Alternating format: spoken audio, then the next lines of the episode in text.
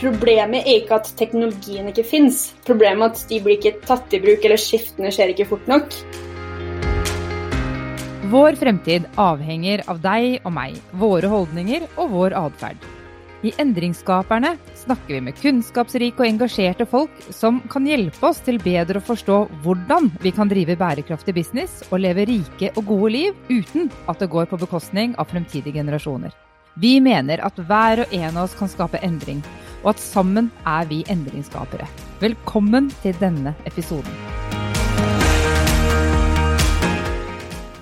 WeMe er en sosial entreprenør. Vi utvikler teknologi som fremmer endringskraften i oss.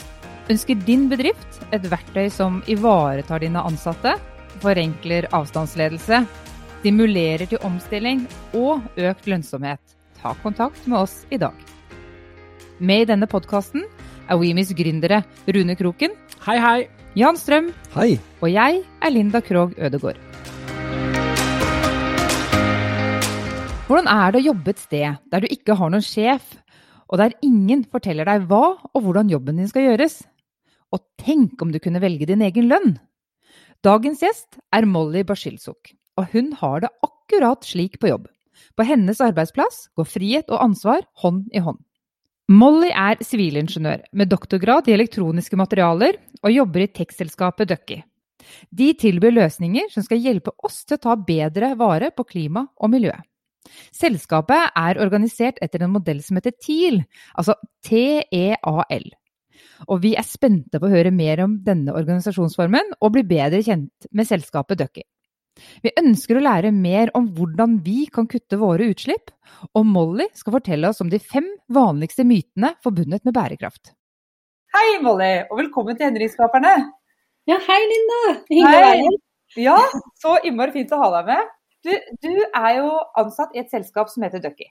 Og de har vi, dere har vi hatt på agendaen en eh, god stund, og endelig får vi tatt en prat med dere. Og jeg mm. tenkte, Vi har jo lyst til å bli bedre kjent med hvem dere er, hva dere gjør, hva dere jobber med. Og, men en fin måte inn til å starte er jo kanskje hvor kommer dette navnet fra? Ordet 'ducky' eh, det er en slags sånn slengord på engelsk som brukes som noe liksom, hyggelig eller fint. Så det, det, skal på en måte gi assosiasjoner til en, en slags god følelse og, og, det å være snill og grei. Så det navnet ble valgt for å representere litt det vi vil, vil være, men også fordi vi ville ha et navn som kanskje ikke bare hadde med miljø og grønt og sånt å gjøre, da, men som var, var, litt bredere. da, For å ikke skape for mye negative assosiasjoner, eller på en måte at folk skulle ha forhåndsforestillinger om hva det skal være. da. Et artig navn. Ja, så vi, eh, vi, kaller jo hverandre for ducks. Jeg leste et sted at mens man er i prøvetid hos Ducky, så blir man kalt ducklings. Ja, da er du duckling. Og så etter, etter, et halvt år så kan du bli en duck. men Det var jo litt om navnet, men nå, nå, må du fortelle oss. Hva er det dere holder på med? Vi er en liten, men voksende profit for good-bedrift, kaller vi oss. Vi er vel 93 non-profit, eh, og resterende er profit for good. Som betyr at investorene våre har visse forpliktelser. da. Og vi jobber jo egentlig hovedsakelig med å løse klimakrisen. Og vi er forskningsbasert, og det vi gjør er å lage digitale verktøy. Og hensikten med verktøyene er å motivere enkeltpersoner, og også til dels virksomheter, til å leve mer bærekraftig. Og bærekraft kan jo være så mangt, og så er liksom hovedfokuset vårt nå på klima og global oppvarming. Og Hvordan gjør dere det da? Hvordan er det vi som enkeltpersoner og organisasjoner kan være mer bærekraftige gjennom Ducky? Det hovedproduktet vårt nå er noe som heter for kampanjer eller utfordringer. Da. Og da, da er det sånn at uh, eh, f.eks. en skoleklasse eller en bedrift da, kan gå sammen og, og gjøre en utfordring. Og da har du f.eks. en toukersperiode hvor du logger ulike aktiviteter som er bærekraftig. Det kan være at du sykla til jobb, at du spiste vegetarmiddag. Og da får du poeng for hver handling og på en måte konkurrere hverandre, om, med hverandre om å leve mest bærekraftig. Og litt av poenget med det, eh, det er det at du skal se at, det, at dere jobber sammen om å skape endring. Og også at hvis alle gjør ting, så vil det til sammen bli til noe stort. For du får sett til slutt hvor mye f.eks. CO2 du sparer i løpet av en toukersperiode. Og at det faktisk blir ganske mye, selv om de handlingene du gjør er relativt små. Men i det siste har vi sett at det ikke går helt fort nok fram å bare ha sånne toukersutfordringer. Altså vi får eh, engasjert ganske mange, men det blir ikke helt nok. Så nå jobber vi med et ganske stort prosjekt som vi fikk eh, midler til i fjor, eh, som vi kaller for Zero Emission Citizen. Og Det går på å kartlegge eh, fotavtrykket til befolkningen, først og fremst i Norge, men vi håper også at verktøy skal brukes i andre land. Og Det vil gjøre sånn at um, det offentlige sektor, også fylker og kommuner, kan få greie på innbyggernes fotavtrykk, og så skjønne hvilke tiltak de kan sette inn for å påvirke folk i riktig retning. Samtidig som individer da, kan gå inn og sjekke sitt fotavtrykk og spore det over tid. Uh, så vi ser litt mer på helheten da, istedenfor bare en toukersperiode med små aktiviteter. Da. Så det er noe som kommer i løpet av våren. Da. Hvordan kan eh, vi som innbyggere sjekke vårt eh, fotavtrykk? Eh, akkurat nå er det en gratis kalkulator på Ducky sin nettside som vi godt kan linke til. Eh, så den gir en indikasjon men vi jobber nå med å forbedre modellen vår. og en del av det at Etter hvert så vil beregningen gå automatisk. så Vi jobber bl.a. med Sparebank1, eller SMN først og fremst, eh, om at det skal komme en funksjon i nettbanken som gjør at vi beregner fotavtrykk basert på transaksjonsdataene dine. Så Da vil du ikke trenge å fylle en masse detaljer. Da vil du bare kunne si ja i forskjellige apper, og så vil det bidra til å vise fotavtrykket ditt, og du vil få tips og råd om hvordan du kan forbedre deg. da.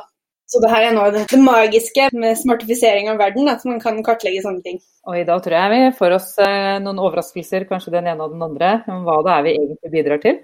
Det er litt, litt sånn stygg sannhet at det meste du bruker penger til, fører til en eller annen form for utslipp. Og så har du noen ting du kan bruke penger på som forårsaker mindre utslipp, men allikevel, jo mer penger du har, jo mer utslipp forårsaker du, sannsynligvis. Det er kanskje den største overraskelsen for de fleste. De bare ja, men jeg er jo så flink, men så har du ganske høy lønn. Men du bruker det på noe. ja, det er spennende. Hvor lenge har dere holdt på? Det ble starta i 2015, eh, og så har vi vokst ganske mye siste året. Gått fra å være en 15 ansatte til vi er snart 30 nå. Ja, gratulerer med det. Ja, det er jo stort å vokse under en pandemi, da. Men eh, ja. vi fikk jo en god del midler og, og, har mange spennende prosjekter på gang. Og så ser vi jo mange paralleller mellom håndtering av koronakrisen og det som må skje med klimakrisen. Og prøve å liksom mobilisere litt på samme måte. da. At uh, alle kan bidra med noe. Og alle må hjelpe hvis vi skal løse det her. da. Mm. Så vi håper at folk får kanskje en større forståelse av det etter det vi har vært gjennom siste året. Ja, Det blir spennende. Etterpå så skal vi jo inn og høre om de fem vanligste mytene eh, når det gjelder eh, hva vi selv kan gjøre. Men det sparer vi litt på, for Jan har et lite spørsmål til deg. Ja, Når du er inne på hva som har skjedd eh, under covid, på hvilken måte har det påvirket dere? Vi har jo blitt, som veldig mange andre, ekstremt flinke til å jobbe digitalt og fra hjemmekontor. Og vi har alltid hatt ansatte som har vært da, altså sittet i andre land og sånt. Og, så jeg tror alle har blitt flinkere til å være remote, så det har gjort at hele bedriften har måte kommet tettere sammen. For nå er det ikke bare de som sitter et helt annet sted som er for seg sjøl, nå er alle på sitt hjemmekontor. Den Zero Mission Citizen som jeg snakka om, ble jo født under pandemien. Så det ble litt sånn bråstopp i en del av kampanjene som ble kansellert. Folk eh, var jo ikke interessert i å kjøre utfordringer når hele framtiden var usikker. Uh, og da fikk vi pusterom hvor vi bare OK, hvor vil vi egentlig med dette her? Og fikk liksom pusterom til å skrive den søknaden uh, og få i gang det prosjektet. Så jeg tror for oss har det vært nettopp positivt. da. Vi har jo vokst og også fått utforma nye ideer. Man kan se positivt på det, sånn sett. Mm. Men kan jeg spørre, Bolly, uh, for du er ganske ny inn i Ducky, er du ikke ja. det? Du har jo valgt å komme inn i Ducky og bruke all din tid og kompetanse og krefter inn her. Hva motiverer deg til å jobbe i Ducky? Jeg jobba før i elektronikkindustrien, så jeg har eh, doktorgrad i uh, elektroniske materialer. Og så ble jeg litt sånn sliten av det jaget at man alltid skulle lage noe som var så billig som mulig, sånn at man kunne produsere så mange som mulig av det, og så bare selge flere uh, flere ting. I mitt tilfelle så jobba vi opp mot ting som ble, en dings som ble inni en smarttelefon. da. Og det vet vi jo alle at byttes ut jevnlig. da. Og jeg tror når jeg utdanna meg som sivilingeniør og gikk videre til doktorgrad, så tenkte jeg at det var for å finne på teknologier som skulle lage en bærekraftig verden. Og så innså jeg etter hvert at problemet er ikke at teknologien ikke fins. Problemet er at de blir ikke tatt i bruk, eller skiftene skjer ikke fort nok. Så jeg havna litt i en sånn, uh, kall det eksistensiell krise, hvor jeg bare hvordan, hvordan, kan jeg faktisk gjøre noe med min kunnskapssett for å forårsake noe godt, da.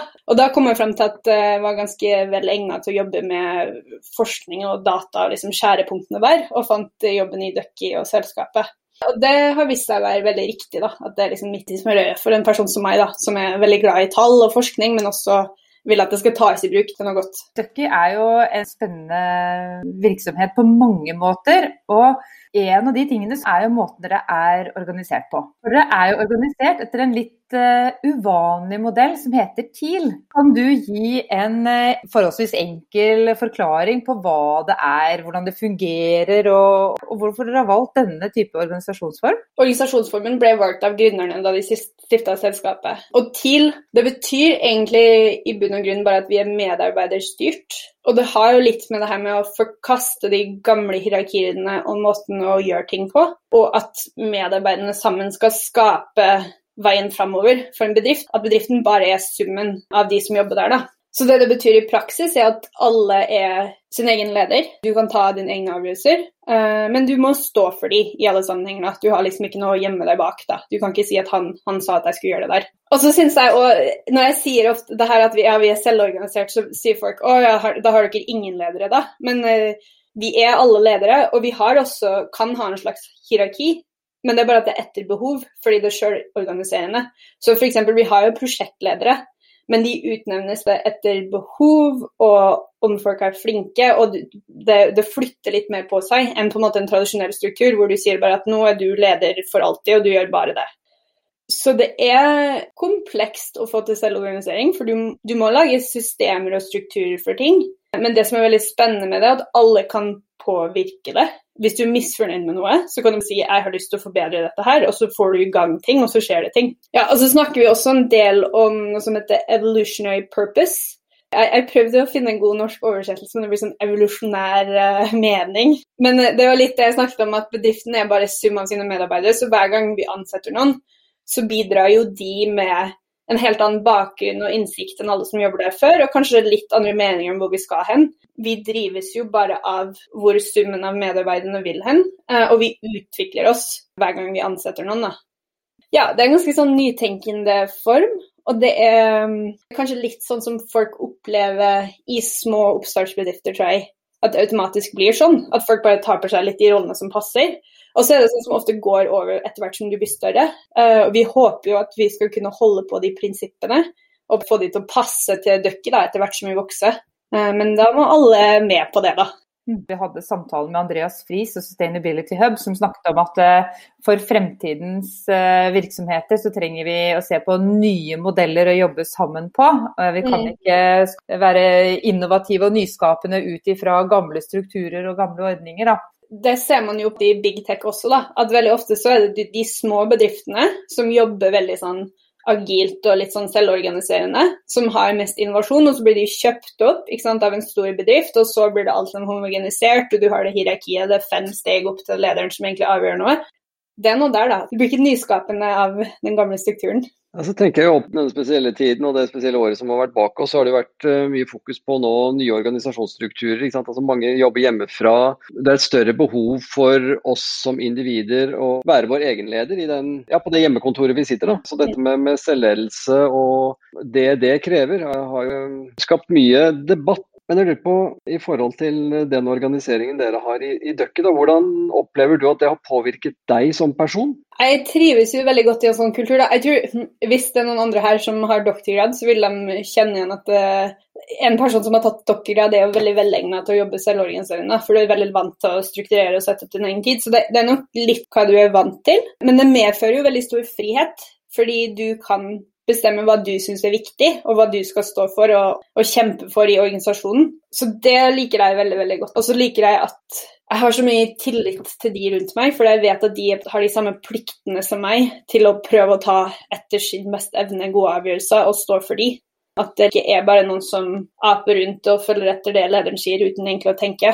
Uh, alle er nødt til å tenke gjennom hva de gjør, da. Uh, så jeg syns det er en veldig flott organisasjonsform, samtidig som det er Det krever jo noe av individen å ha den friheten og få den. Du må liksom jobbe litt med det. da. Krever mer arbeid, men mer frihet eh, i andre enden. Det kan jo være litt sånn at hvis du er i tvil om noe, så spør du andre, men til syvende og sist så må liksom du bestemme, og så må du på en måte stå for den avgjørelsen. da. Skal si, vanlige ansatte slipper jo å forholde seg til, de kan bare spørre oppover og så bare gå for det lederen sier. Du har vært inne på også dette med, med åpenhet. og Bare ett spørsmål til uh, fra meg når det gjelder organiseringen deres, som var litt sånn wow, er det mulig? Dere velger deres egen lønn? Ja, det stemmer. Det har vi uh, gjort. Så det har vi et system på plass for. Hvor, uh, så akkurat nå så finnes det en makslønn av sånn praktiske årsaker. At vi er en liten bedrift med begrensa økonomi. Innenfor den makslønna så kan du sette din egen lønn. Og da har vi en prosess hvor du i utgangspunktet skal sette opp et lite sånn budsjett, men hvor detaljerte varierer litt fra person til person. Og så har du en, en samtale med to andre ducks, da, altså dine kolleger, hvor du sier sånn ja, det her er mine behov, og det her har jeg lyst til å ha som lønn. Det jeg liker veldig godt med det, at da er lønna er liksom frikobla fra prestasjonen din. Jeg tror i veldig mange bedrifter så er økt lønn det betyr at du gjør en god jobb, det betyr at du er en bedre person. Men sånn tar bak det der og sier at nei, men jobben er på en måte skilt fra lønna, og lønna det, måte, det skal dekke dine behov. Og, og hvis du setter deg og prøver å tenke hvor masse lønn trenger jeg egentlig, det er utrolig vanskelig spørsmål å stille seg sjøl. fordi det er så veldig deilig å ha en god del ekstra penger til å bruke på ting. Samtidig som hvis du har veldig mye penger, så bruker du kanskje penger på unødvendige ting også, da. Så foreløpig har det funka, men det, det, krever også tillit, da. Fordi du har jo lyst til å stole på at de du jobber med, ikke det gamersystemet og bare tar makslønn fordi de kan. Hele kulturen må jo være veldig tillitsbasert for å få ja. til dette. Det er det. det. Ja. Det er mulig å gjøre ting annerledes, rett og slett. Jeg, jeg tenker på denne samtalen du har med dine to meddøkkis. Men blir det ikke veldig enkelt at man da kan si at jeg er en idealist? Uh, jeg bruker lønna mi til ideelle formål, derfor skal jeg ha makslønn? Ja, det kan du gjøre.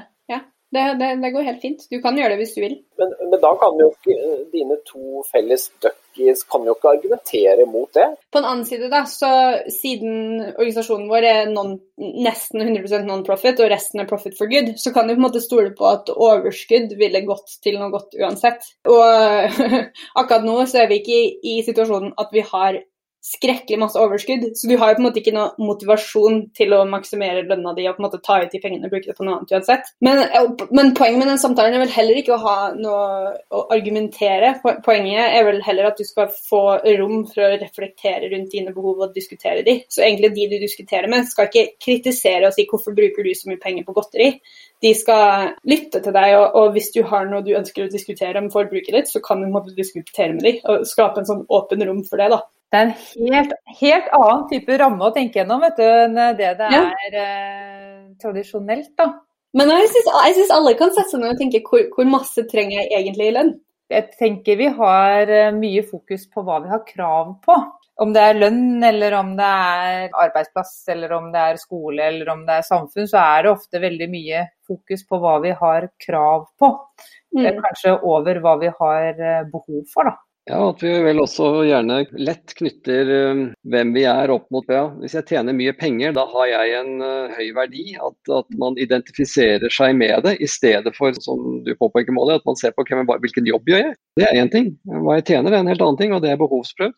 Jeg, blir litt, jeg syns det er veldig fascinerende, og så blir jeg litt sånn Ja, men jeg vil jo tjene mye. Så det står en, eh, en, figur på hver skulder, og den ene sier én ting, den andre sier den andre. Men det er så godt å høre at uh, noen er på, på, riktig vei, tenker jeg, i forhold til å få en litt mer sunnere holdning til hvordan vi, vi driver business.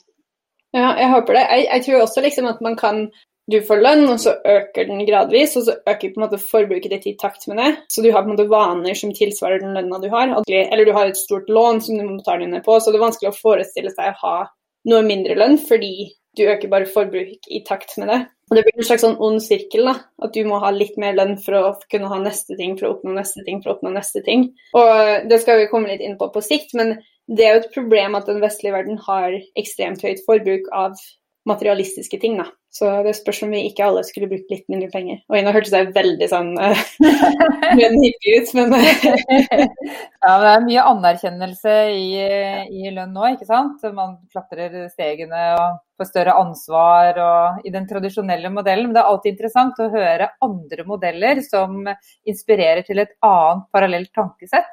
Som eh, gjør at uh, uten å se dette nye perspektivet, da, så utvider vi heller jo ikke horisonten vår. Så selv om eh, ja, du kjenner på at du, du har én en figur på hver skulder, så tidligere så hadde du kanskje bare én figur på skulderen. Nå har du i hvert fall to. Ja, så det er jo spennende. Vi vet jo at dere også jobber med å tracke da med denne kalkulatoren CO2 footprint. Det kan hende at det ikke alle er helt eh, up to speed med hva er egentlig et CO2 footprint. Er det noe du kan gi en sånn kort svar på? Jeg håper det blir kort og forståelig, for det er jo ganske viktig. Det, det, er jo, det her med CO2-fotavtrykk er et begrep som slenges mye rundt. Da. Så jeg tror mange har hørt det, men kanskje ikke liksom vet uh, hva det innebærer. Mm -hmm. Vi uh, definerer fotavtrykket som uh, utslippene som er opptak av summen av alt det du forbruker og gjør som individ. Så f.eks. i Ducky-kalkulatorverden så deler vi opp i energi, i mat, i transport, i din del av det offentlige utslippet, og til slutt forbruket ditt, altså alt du kjøper som ikke hører inn i de andre kategoriene. Og egentlig så er det på en måte en, en øvelse i å følge penger, i den forstand at, uh, som jeg sa før, det meste av det du bruker penger til på fører til utslipp. Da. Så hvis du summerer sammen påvirkning av alt det du bruker penger på, så har du hele fotavtrykket ditt. Og fotavtrykket det er summen av det vi kaller for direkte utslipp, også klimagass som kommer rett ut f.eks. av bilen din eller av uh, peisen.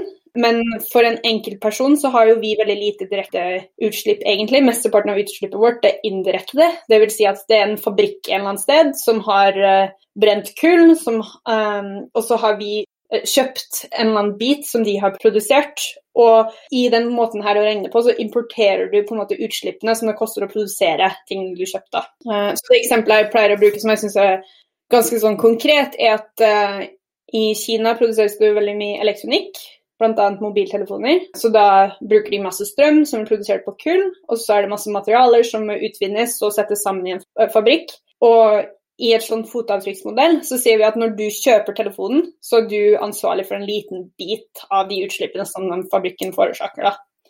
Det ansvarlige jo veldig individet å regne ut som sånn fotavtrykk, for de sier at eh, du har på skylda. Selv om vi vet at du ikke bestemmer over den fabrikken, så bestemmer du allikevel hva du forbruker. da. Og Det er jo litt fint at vi får avklart akkurat hva vi mener med det, før vi går inn på disse fem vanligste mytene.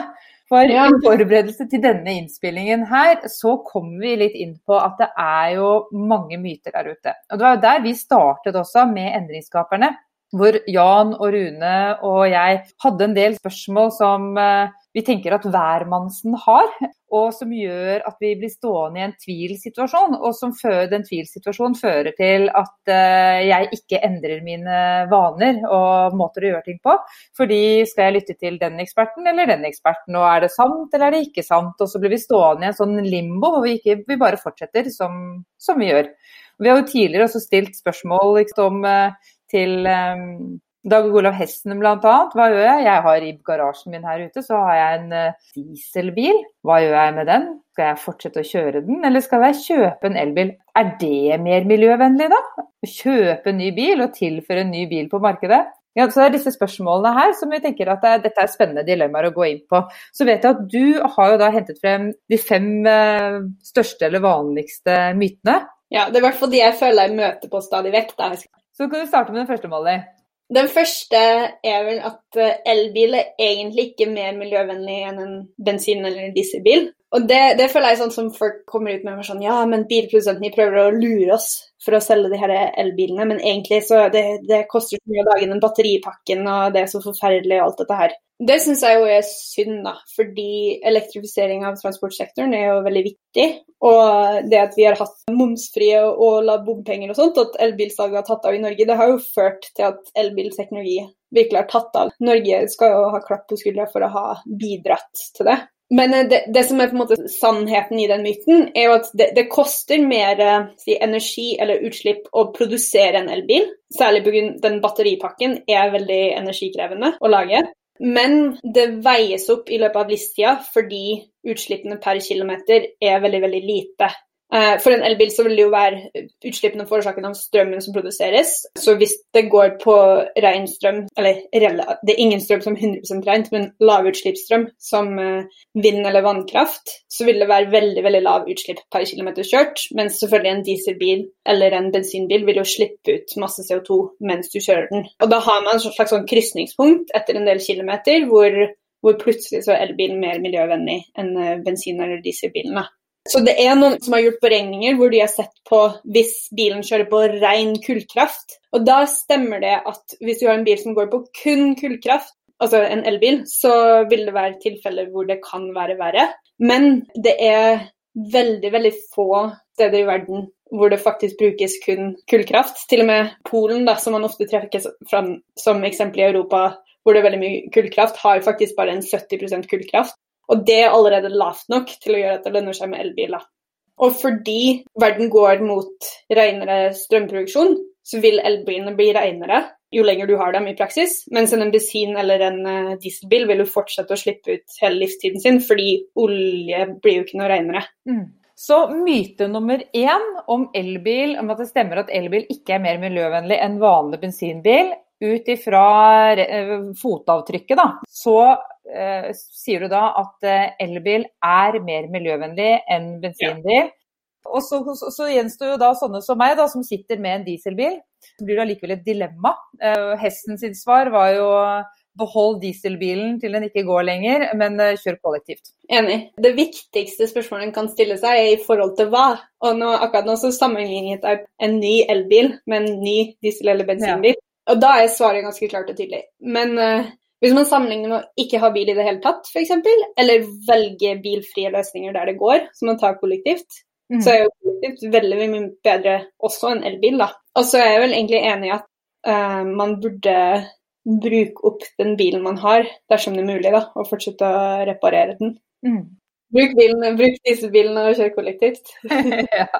Da har vi myte nummer to som er at vi har så ren strøm i Norge at vi trenger da ikke å bygge ut vindmøller. Ja, eller vindmøller var bare et eksempel. Ja. Nå, nå, vet jeg at det her med vindmøller er veldig komplisert, for, fordi det er jo et lokalt kan være veldig stygge angrep mot naturen. Så jeg mener jo at man skal vurdere hvert tilfelle eller hvert område for seg. Det er ikke sånn at jeg mener at vi skal bygge ut maksimalt med vindmøller overalt. Men jeg tror mange i Norge tenker at vi har veldig ren strøm. Og det, det, stemmer jo, strømproduksjonen vår er så å si 100% fornybart. Det hender jo at vi importerer en del fra Europa eh, i visse perioder, som vil være mindre fornybart. Og vi eksporterer også vannkraft til Europa, som er veldig, veldig bra. Men nå var vi jo akkurat inne på det her med elbiler og elektrifiseringen, og da et voksende behov for ren strøm. Og som jeg sa, vi eksporterer jo til Europa så det vil si at vi kan ikke se på Norge som en sånn adskilt land som bare produserer strøm til seg sjøl. Eh, men jo mer fornybart vi kan produsere, jo mer er vi en ressurs for resten av verden. For elektrifisering av transport og andre ting som strøm brukes til. Da. Verden trenger egentlig så mye ren strøm som mulig, og hvert land burde utnytte det de har. Da. Så de er kanskje ikke uh, jo å installere maksimalt med solkapasitet i Norge, hvor det ikke er sol halvparten av året. Men uh, her langs kysten hvor det blåser mye, så er absolutt vindmøller veldig veldig smart, og noen av de reneste energikildene som finnes, faktisk. Mm. Det er viktig at vi fortsetter å bygge ut, selv om vi må tenke med omhu. Ja, for det er jo her de ulike perspektivene kompliserer bildet, da. Naturen lider. Det gjør det jo komplisert. Ja, det er for så vidt um, Det skal sies at det ikke er bare negativt. Det er noen studier som har vist at um, fordi de områdene etter du bygger ut vindmølleturbiner, så blir de områdene, uh, særlig i havvind, uh, de får mer fred fordi det er mindre båter og sånt som kjører forbi. Så ofte fiskere og sånn som bor i det området, kan, kan, få det bedre fordi de får mindre forstyrrelse rundt seg. Og, og så har jeg vel også lest at fuglelivet etter hvert tilpasser seg, da. At de etter hvert lærer seg at uh, turbinen er der. Så um, jeg tror det, det er en sånn annen tilfelle hvor, hvor, det blir gjort ett studie, og det viser én ting, og så blir det gjort et annet studie, og så viser det en annen ting, og så må man på en måte se på summen litt sånn etter hvert, da.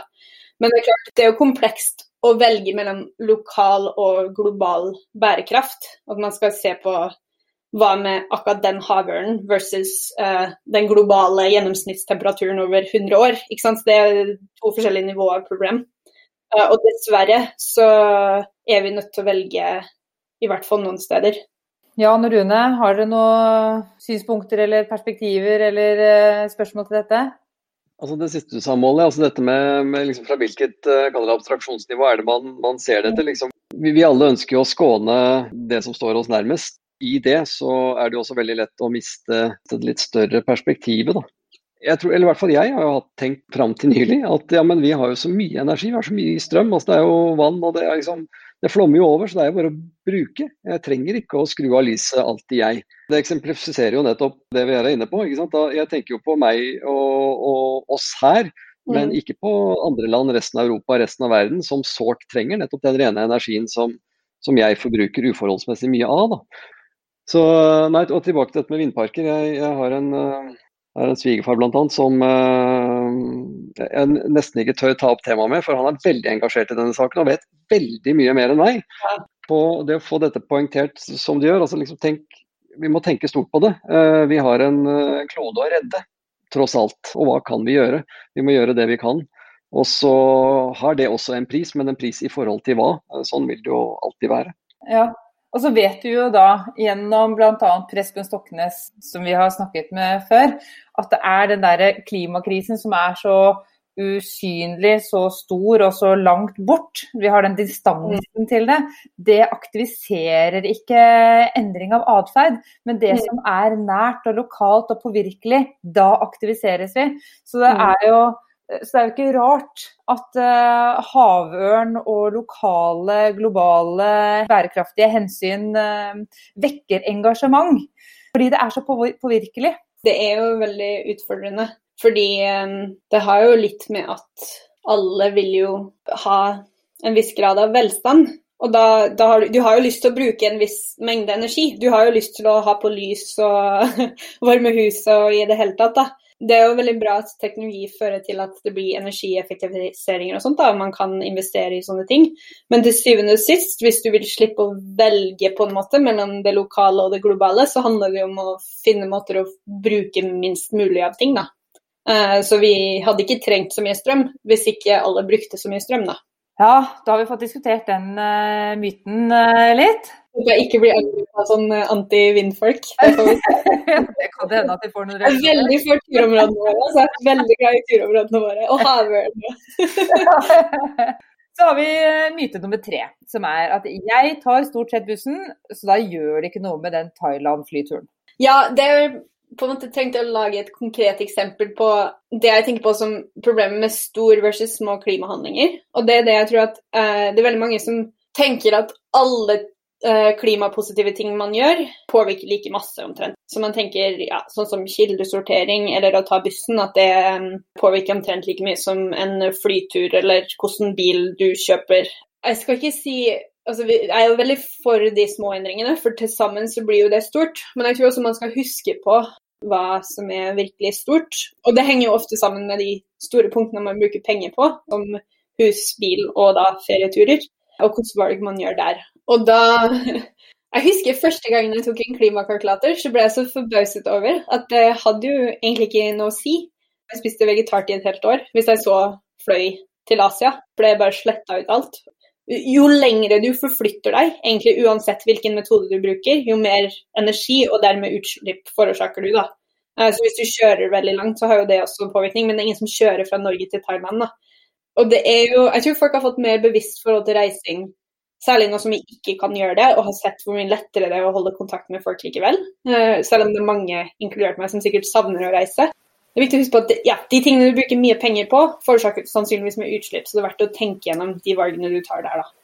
Så Konklusjonen der da er at mange små klimatiltak kan liksom fort bli utlignet ved at du tar en lang flyvning. da, Så er du på en måte på null. Og så vil kanskje noen tenke det at ja, ja, men det er jo bedre enn at jeg ikke hadde gjort de små klimatiltakene, for da ville det vært dobbelt opp. Mange små klimatiltak monner, men eh, noen sto store monner enda mer, da. Ja. Men da kommer, hvis vi hopper rett over til det vi har satt som eh, myte nummer fem. Flyet går jo uansett. Ja. Det syns jeg passet fint å ta inn når vi først har snakket om Thailand-tur. Det, det her med flyvning og sånt. Det er jo litt den her eh, tragedy of the commons, da. Som er at hvis alle tenker at ja, men det, alle gjør noe dumt, så da gjør det ikke noe om jeg også gjør det. Eh, så blir det aldri noe reell eh, endring. Det er veldig lett å unnskylde en flytur og si at ja, men flyet kommer til å gå uansett, så om jeg sitter på det flyet eller ikke, har jo ingen å si. Men uh, som vi har sett, da, hvis flyene begynner faktisk å bli tomme, så blir jo avgangene kansellert etter hvert. Sånn at no, man må tørre å ta et standpunkt og faktisk gjøre noe, og så snakke om det. Eh, og få andre til å skjønne at vi kan handle, vi kan få ting til å skje. Eh, og da vil flyene kanskje til slutt gå litt sjeldnere, i hvert fall. Om ikke de slutter å gå helt. Men du sier tørre å ta et standpunkt og snakke om det. Ja. Og i det så ligger vel kanskje at det er veldig mange som ikke tar et standpunkt, og har de tatt et standpunkt, kanskje ikke snakker om det. Hva tror du er grunnen til det? Altså, De fleste bryr seg jo til en viss grad om bærekraft, så lenge det ikke påvirker hverdagen deres så veldig mye. Og de velger liksom enkleste vei, da. Man velger jo på en måte billigste løsningen, eller, eller beste, billigste løsningen å optimalisere på det, og du, du tenker kanskje ikke lenger enn det. Men jeg tror Det hjelper jo ikke om jeg er perfekt hele tiden. Om jeg slutter å fly, selger bilen min, altså flytter inn i en bitte liten leilighet som eh, går på solceller. Om, om, jeg ikke snakker om det og skaper en kultur rundt meg for endring. Uh, og det merket man jo det, det, her sier jo kanskje noe om min sosiale omgangskrets, da. Men uh, nå er jeg heller ikke vegetarianer på fulltid, men eh, da jeg begynte å spise mer vegetarmat for noen år siden, og prata en del om det, og så var det liksom rart, da. Og så har det blitt mer og mer normalisert. Og det å prate om det, og dele oppskrifter og snakke om de tingene du gjør, da. Eller si sånn uh, Det å tørre å si jeg, jeg vurderte om jeg skulle reise dit, men så tenkte jeg på hvor stor påvirkning den freeturen hadde, og så lot jeg være. da, Og så ta den, den sjekken med seg sjøl da, og snakke om det. tror jeg har utrolig mye å si. Ja, jeg heier veldig på den vegetarreisen din. Det var bare noen år siden, så jeg ble, ble kraftig provosert når man så mente at det var et miljøtiltak. Og nå, nå er jeg ganske ivrig på vegetarbiten selv. Så jeg kan støtte opp på det. Og det altså Jeg har jo nå opplevd hjerteproblemer, og det er store helsegevinster med å, å spise vegetar. Altså Det er så mye bra for deg selv også. Det er viktig å si. Jeg har et problem som gjør at eh, jeg blir litt sånn demotivert, som jeg håper at du kunne kommentere, i forhold til å være klimavennlig. Og det er at uh, i Norge så tror jeg vi slipper ut et sted mellom 8 og 12 tonn per uh, innbygger per år. Ja, det stemmer. Og så hadde vi en, en samtale med Dag O. Hessen, som sier at vi bør komme ned på 1-2 tonn per innbygger per år. Ja. Det betyr jo, hvis jeg skjønner det riktig, at hvis jeg da kjøper meg et brukt telt, som ikke da har et klimaavtrykk, og bor ute i skogen og spiser vegetar, så vil fortsatt mitt avtrykk vært for høyt. For det er snømåking, det er kollektivtrafikk, det er gatelys. Er det riktig? Ja, det stemmer. Altså, du, du kan ikke som enkeltperson få fotavtrykket ditt til å krympe til det nivået det er snakk om. Så det finnes jo på en måte to skoler med tankegang. En at individet skal gjøre alt, at vi må liksom gi fra oss alt og leve veldig spartansk og sånn der. Og en annen ting er at teknologi det kommer og redder alt. Vi bare, ja, vi elektrifiserer fly, så bare fortsetter vi som før. Vi, eh, ja, vi har solceller på taket, så alt går fint. Men hva med en slags middelvei, da? At teknologi gjør en del av de stegene, så ting vi kjøper og forbruker og, og, trenger, altså de tingene som vi trenger i hverdagen vår, blir renere. Men samtidig så tar vi valg om å redusere og velge bevisst disse renere teknologien, så møtes vi på en måte på midten. da. Uh, vi, vi, har gjort en sånn øvelse på sånn hvor masse kan teoretisk en, uh, en innbygger redusere fotavtrykket sitt. Og da kom Bucky med, med, vår modell da, fram til at du kan redusere fotavtrykket ditt personlig med ca. 70% ved de valgene du gjør. Og så må på en måte de resterende prosentene, for å komme til det tallet du nevnte nå, som er veldig veldig lavt, på ca. to tonn, det må skje ved teknologisk og samfunnsendring. Da. Så det er ting du ikke får gjort noe med. Men du kan si at vi, vi kan ikke se på det som enten-eller. da. Både produsenter og folk som utvikler teknologi må løse det problemet, men vi som, også, som individer må gjøre valg som går mot å, å ta i bruk disse løsningene. Da. Vi må være interessert, og vi må velge de. Men det var jo ganske oppløftende, vil jeg si at vi kan redusere med 70% Ja, det er i hvert fall noe vi har anslått uh, med vår modell, ja. Og Hvis jeg igjen eh, liksom lener meg inn i eh, dette med distanse og påvirkelighet, som da trigger vår atferd, hva som trigger atferden vår, så er det det at, det, at jeg har påvirkningskraft. Mm. Hvis jeg har påvirkningskraft på 70% det utslippet som jeg setter ut, altså det, det eh, motiverer meg i hvert fall til å se på, på eget bidrag. For tenk oss hele Norges befolkning da, hadde redusert sitt eh, avtrykk med 70% Ja, det hadde hatt mye å si. Men du kan si da, da må du droppe flyturen. Ja, ja. Eh, det er en av de største enkeltpunktene som jeg var inne på før, er å fly litt mindre. Men så For å da bare konkludere på, på, det punktet der, flyet kommer til å gå uansett. Så ved å ta et aktivt standpunkt og fortelle om det, sånn at du påvirker kulturen rundt deg og skaper bevissthet, eh, så vil du kunne redusere eget avtrykk med opptil 70% ja, vil, altså, Det er jo eget avtrykk, men det at du prater med andre, fører jo til at du påvirker andre. og da, da det kaller vi for håndavtrykk, da, når du har påvirket noen andre positivt. Da vil håndavtrykket ditt være enda bedre enn fotavtrykket ditt. Fordi hvis du har fått uh, broren din til å spise vegetart en gang i uka, så regnes ikke det på fotavtrykket ditt, men det har vært positivt for noen andre. da. Så du har jo større påvirkningskraft enn deg sjøl. Du er jo et sosialt vesen. Du har folk i livet som du kan påvirke også. Ja, absolutt. Mm. Og Da kommer vi inn til siste myte.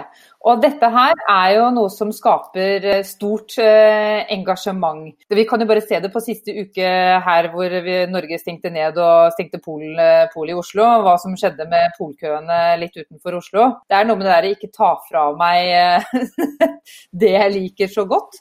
Men altså, lokalprodusert biff er mye bedre for klimaet enn grønnsaker fra langt unna, er myten. Og Nå vet jeg jo at nå ser du dette her gjennom ditt perspektiv på fotavtrykk. og Vi har sikkert noen spørsmål til denne fremstillingen, men det kan vi ta etter å ha hørt på deg litt. Jeg er jo egentlig for lokalprodusert mat. Eh, så kanskje sånn eh, lokal kjøtt versus grønt fra langt unna for å sette det på spissen, men det beste er kanskje egentlig lokalt, lokal vegetarmat, der det går an. da. Så globalt sett så er utslippene forbundet med matproduksjon, så er transport bare 6% Så det er hva du spiser, ikke hvor det kommer fra, som egentlig avgjør hvor masse utslipp det forårsaker. Så hvis du har det i bakhodet, og så tenker man at da kjøtt er litt avhengig av type kjøtt og hvordan det produseres, er sånn ca. 20-50 ganger verre enn de fleste plantebaserte varene. Da. Så det er liksom igjen sånn forhold på ting. Da. Transport er veldig, veldig lite av den helheten. Og det har litt med at ting sendes veldig ofte i skip. Og selv om skipene i seg selv er store og forårsaker mye utslipp, så kan du lasse veldig veldig mye ting på de skipene. Sånn at per produkt så er det veldig, veldig lite det koster å transportere det. Og derfor så er det fra et utslippsperspektiv positivt å velge plantebasert framfor eh, dyre, dyrebasert kost. Når jeg har vært med ungene på kino, så ser jeg en del um, reklame fra interesseorganisasjoner.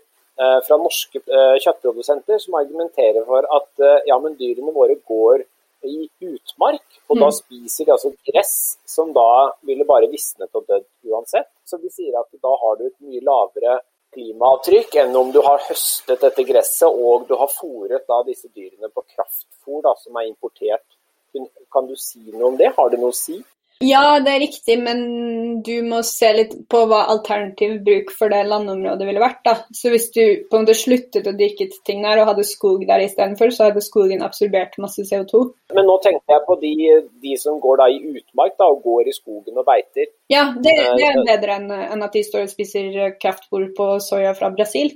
Den norske sitt kjøttindustrien liker å si at de er verdens reneste kjøtt eller noe sånt nå, tror jeg kan godt være at det er riktig det, at de har lav utslipp for kjøtt. Men jeg snakket om det spennet fra 20 til 50 ganger verre. Så da hvis du har måte de dyrene som de kutter ned regnskogen på å, i Amazonas, sånn at de kan ha kyr der, så er de kanskje 50 ganger, og så er Norge kanskje på 20 ganger. Da. Så du, fortsatt, du fortsatt har um, mye mer påvirkning enn plantebasert kost. Og litt, litt av grunnen til det Planter absorberer sollys og omdanner det til mat som vi kan spise. Men når vi spiser kjøtt, så har en ku eller en lam gått og spist planter som da har omdannet det til sollyset, og de omdanner det til kjøtt. Så det er på en måte enda et ledd i den prosessen. Så det krever jo ca.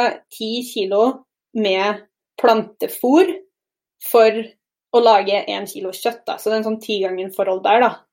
Og nå vet jeg at Norge vi er litt sånn særtilfelle, for det er ikke overalt vi bare kunne byttet ut de jordene med f.eks.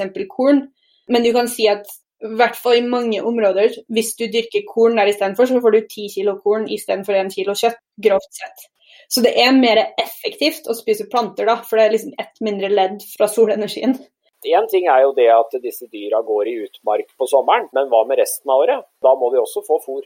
Og så er det jo dessverre da stadig færre dyr som går i utmark og går og gresser. Så det virker ikke som den argumentasjonen helt uh, henger på greip. Jeg tror Norge har blitt flink til å bli litt strengere på hva som kan puttes i kraftfôr, skal det sies da. Så det skal være et minimum av soya som kommer langt vekk ifra og sånt. Eh, så jeg tror jo oppriktig at landbrukssektoren prøver å gjøre ting så miljøvennlig som mulig.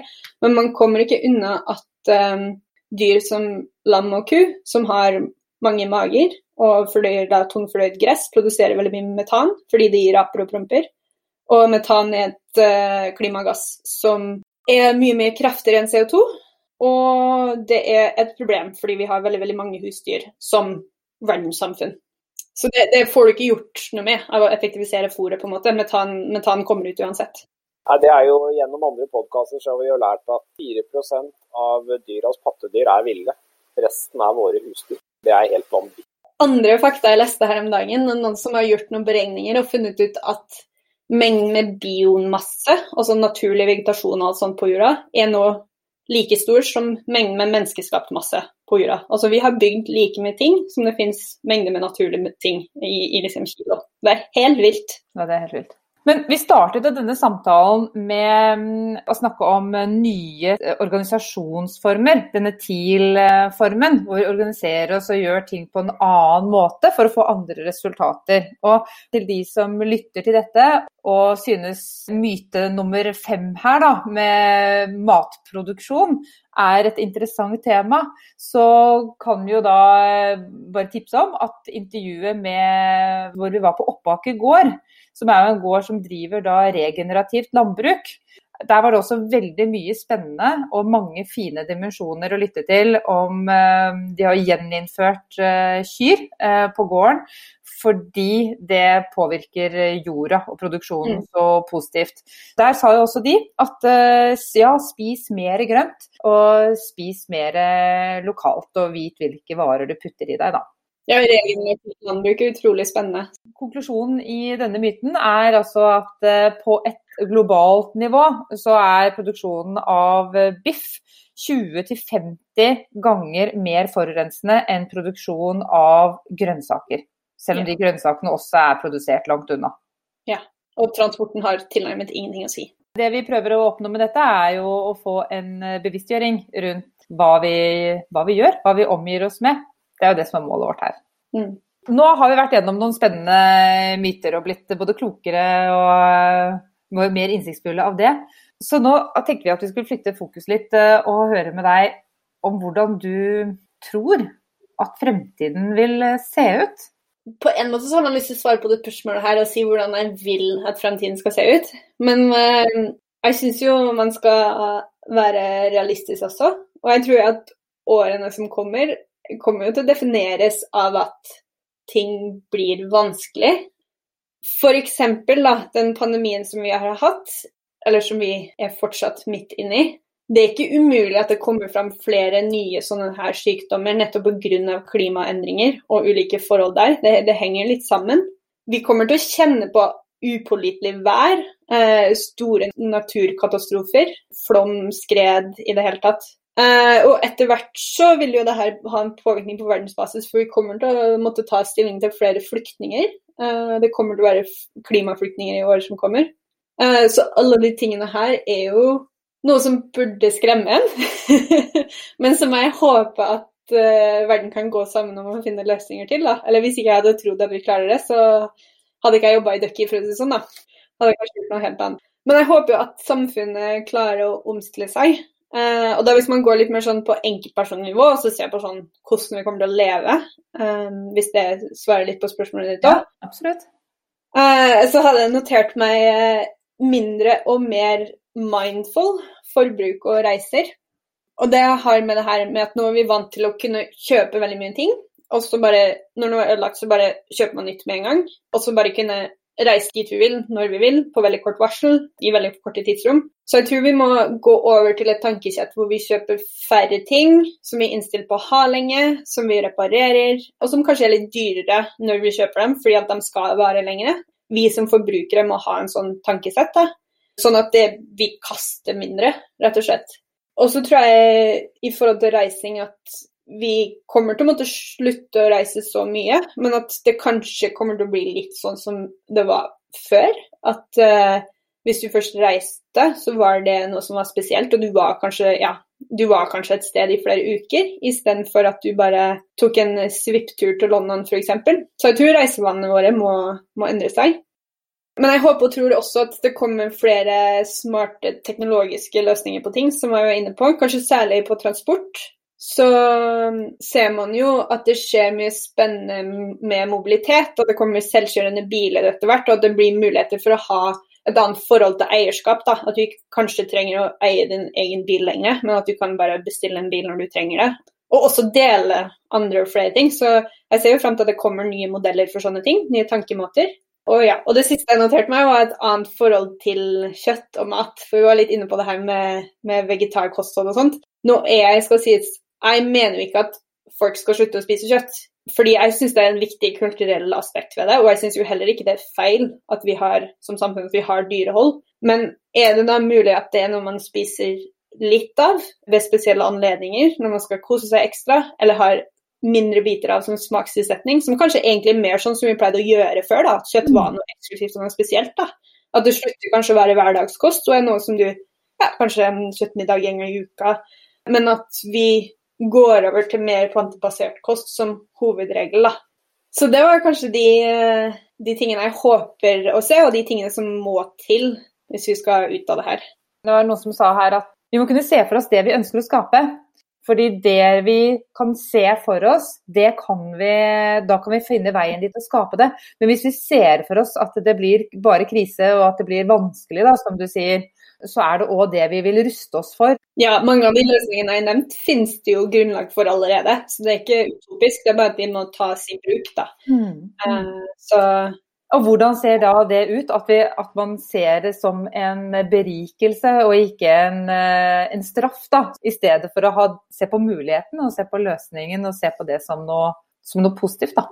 Ja, som jeg snakka litt om før, så er vi jo litt i en sånn forbruksspiral. At mer penger og mer forbruk er alltid bedre, da. Så kanskje vi klarer å komme oss ut av det og komme til et sted hvor vi tenker litt mer om hva vi bruker tiden vår på, da. At tiden er egentlig den goden man skal, skal si, maksimalisere. Det er hva du bruker tiden din på. Så over til en annen ting som vi snakka om på starten, det her med, med, lønn og hvor mye man trenger og egentlig sånt.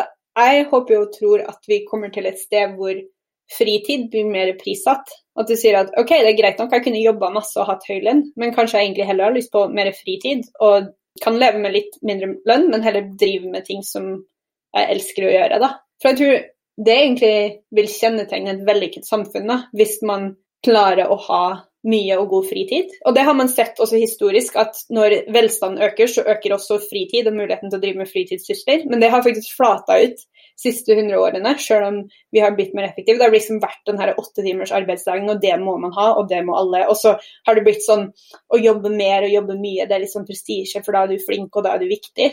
Mm. Uh, men, men hva er egentlig målet med alt dette her, da? Mm. å leve et godt liv. Og er det gode livet bare å jobbe masse for å kjøpe masse ting, eller er det hva du gjør i de timene du er våken? da? Mm. Det her ble veldig sånn på filosofisk nivå, da. Jeg syns det var en utrolig bra oppsummering av det hele. Så bra. jeg syns det har vært spennende og klargjørende og, og inspirerende, Molly takk for at du var med oss eh, her og nå og delte av din tid. Og takk for at du har inspirert oss og fortalt ditt perspektiv, akkurat slik som det er viktig å gjøre for alle der ute. da, Å fortelle disse gode historiene som kan inspirere andre og være med å påvirke holdningene i vår kultur. Ja, og det er veldig gøy å få dele sine perspektiv og meninger som forsker, eller en med forskningsbakgrunn. Så syns jeg god diskusjon og saklig argumentasjon og fakta er veldig, veldig viktig. Og jeg er alltid villig til å skifte mening hvis noen kommer med gode nok faktaargumenter. Så hvis jeg har sagt noe som en lytter mener er feil, og som de gjerne vil diskutere med meg, så er jeg veldig åpen for diskusjon. Jeg er veldig åpen for nye kilder. Og jeg vil gjerne lære mer, da. Eh, det er ikke sånn at jeg sitter her og kan alt og vet om alle løsningene ta kontakt. da skal vi sørge for å legge kontaktdetaljene dine sånn tilgjengelig, så det er lett å komme i kontakt med deg. Men da, Molly, da tenker jeg vi bare sier eh, fra oss i eh, WeMe og Endringsskaperne tusen hjertelig takk. Takk for nå. Nå har vi blitt bedre kjent med Molly, hennes arbeidsgiver Ducky og den veldig interessante organisasjonsformen TIL. Ikke minst har vi fått større klarhet i hva et CO2-avtrykk er, og at dette måles som summen av alt det vi forbruker. Både vårt eget forbruk og vår andel av det offentlige forbruket. Og så har vi avdekket de fem vanligste mytene forbundet med bærekraft, sett i forhold til CO2-avtrykket. Og de er nummer én en ny elbil er mer miljøvennlig enn en ny fossilbil. Og nummer to takket være ren strøm fra Norge kan vi eksportere overskuddet av ren strøm til andre land, slik at de ikke trenger å produsere forurensende strøm. Klimakrisen er tross alt et globalt problem, og vi må tenke globalt og ikke bare lokalt. Nummer tre Flyr vi en langtur til f.eks. Thailand, så forurenser vi mer enn vi klarer å redusere vårt forbruk med i hverdagen. Små tiltak er viktige, men økt bevissthet om hvordan og hvor langt vi forflytter oss, er enda viktigere. Nummer fire. Lokalprodusert biff er mye bedre for klimaet enn grønnsaker fra langt unna. Og til slutt nummer fem. Og hvis vi tenker at flyet kommer jo til å gå uansett, så vil det ikke gjøre det om du og jeg våger å endre oppfatning, begynne å snakke om det, og således bidra til å endre problemet. Vi har lært at du og jeg kan redusere vårt CO2- og fotavtrykk med hele 70% ved å ta aktive og bevisste valg. Og så vet vi at Ducky har ambisjon om å hjelpe oss på veien ved at det skal bli veldig enkelt å kunne se vårt forbruk, rett og slett ved å følge pengebruken vår.